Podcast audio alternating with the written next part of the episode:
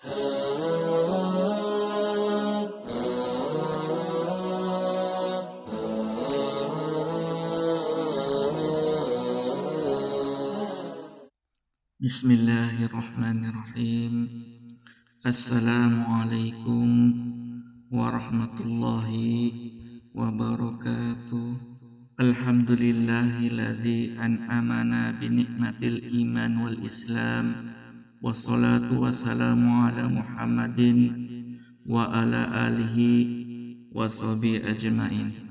Amma Puji dan syukur kita panjatkan kepada Allah subhanahu wa ta'ala yang telah memberikan kita nikmat iman Islam dan juga keberkahan sehingga kita bisa menikmati hari-hari di bulan Ramadan. Kita bisa melaksanakan amal-amal ibadah baik di siang hari maupun di malam hari bulan Ramadan ini adalah nikmat yang sangat besar dan agung yang harus kita syukuri seperti yang kita ketahui bersama bahwa pada puasa Ramadan ini adalah kewajiban kita bagi kaum muslimin dan muaranya adalah supaya kita menjadi insan yang bertakwa. Dan kalau kita baca perintah untuk berpuasa itu adalah surat Al-Baqarah ayat 183 dan di ayat 186 ini ada ayat yang masih terkait dengan Ramadan tentunya yaitu bagaimana kita juga diperintahkan untuk banyak berdoa, banyak memohon kepada Allah Subhanahu wa taala.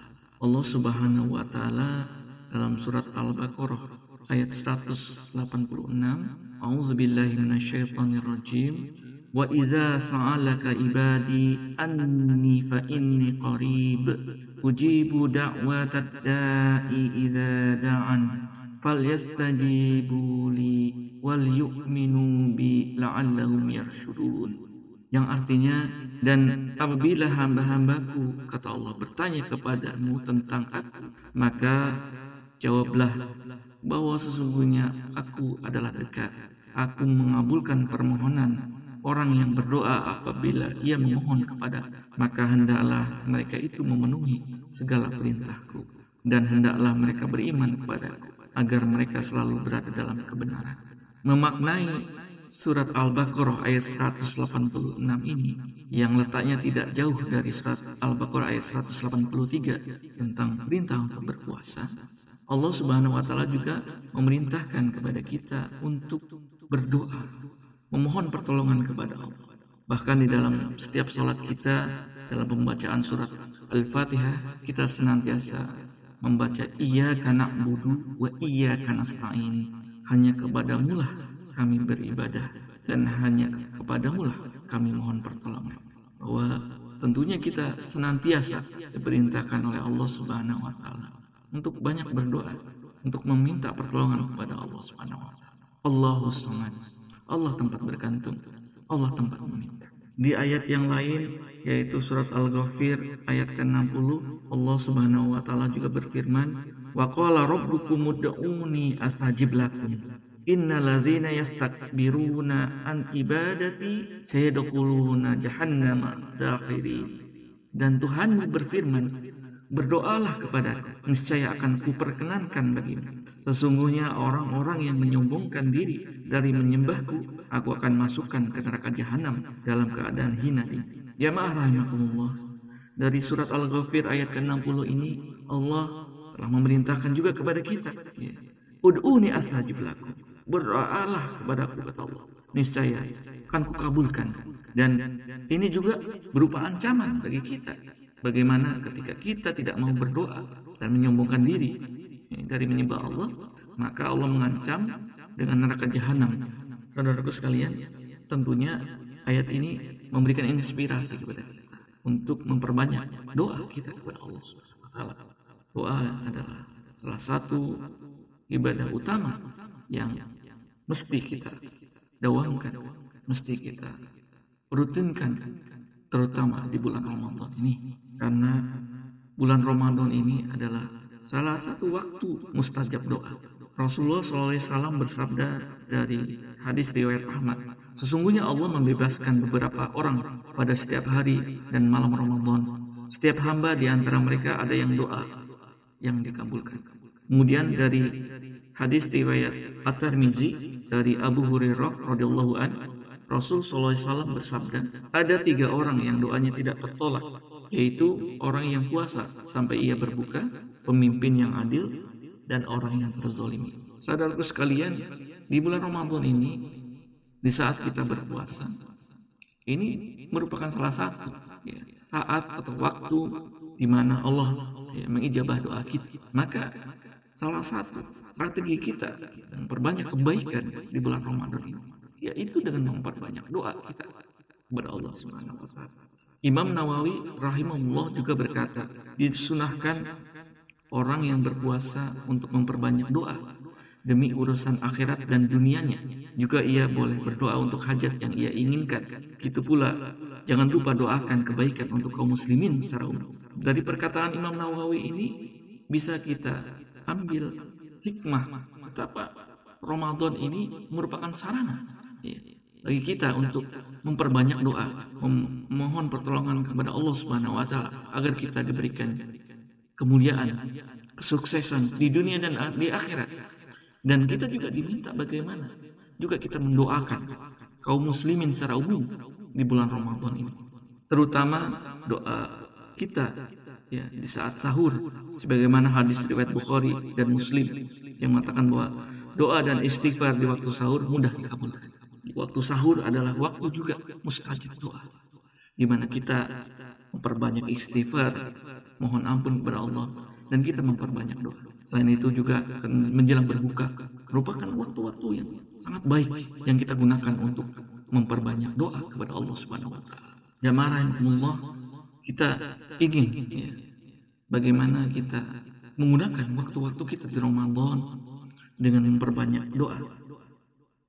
Menurut hadis riwayat At-Tirmizi dari Anas bin Malik, Nabi Shallallahu alaihi wasallam bersabda, "Ad-du'a mukhul ibadah." Doa itu adalah murninya atau saripatinya ibadah. Dari hadis ini dikatakan bahwa doa itu adalah mukhul ibadah.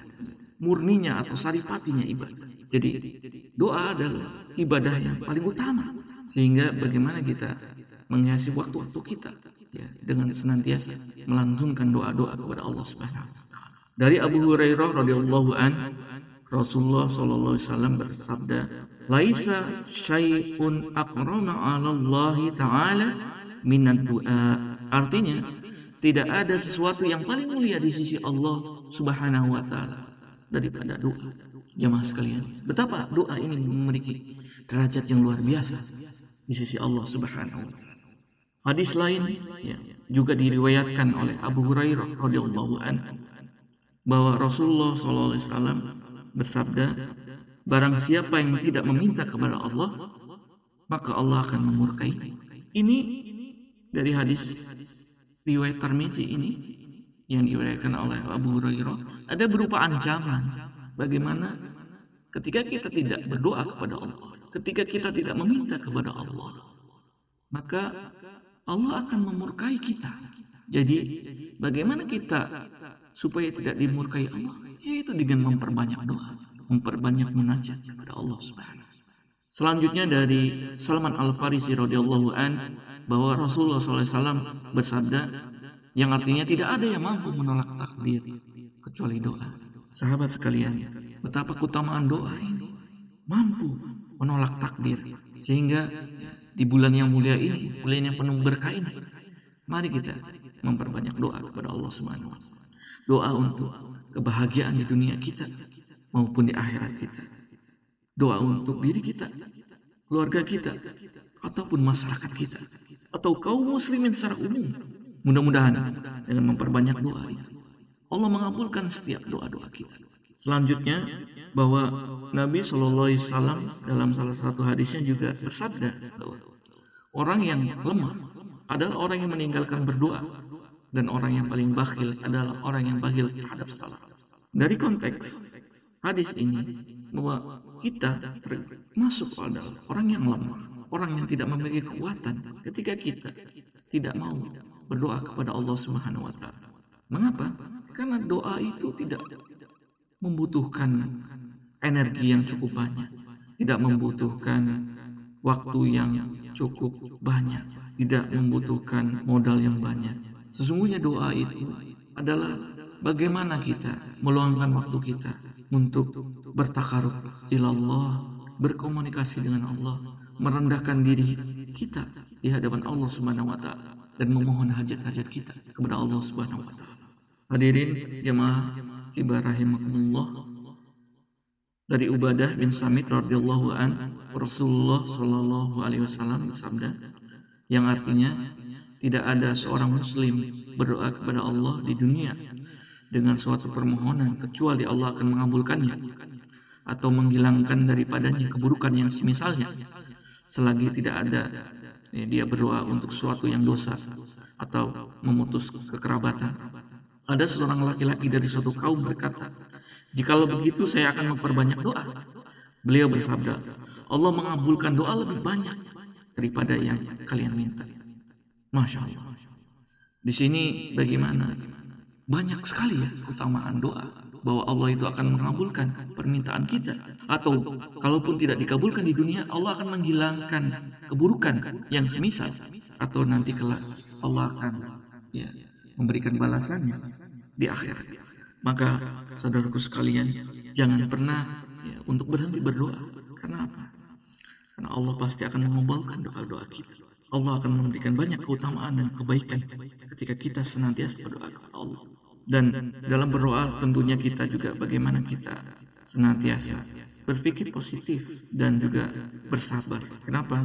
Karena bisa jadi doa kita tidak ya, dikabulkan dengan serta merta, tapi bisa jadi ya, doa kita ditangguhkan untuk sementara waktu atau nanti doa kita akan diwujudkan dalam bentuk kebaikan-kebaikan di akhirat nanti. Dari Abu Hurairah radhiyallahu an Rasulullah SAW bersabda, doa seorang hamba akan selalu dikabulkan selagi dia tidak memohon sesuatu yang berdosa atau pemutusan hubungan kekerabatan atau tidak tergesa-gesa.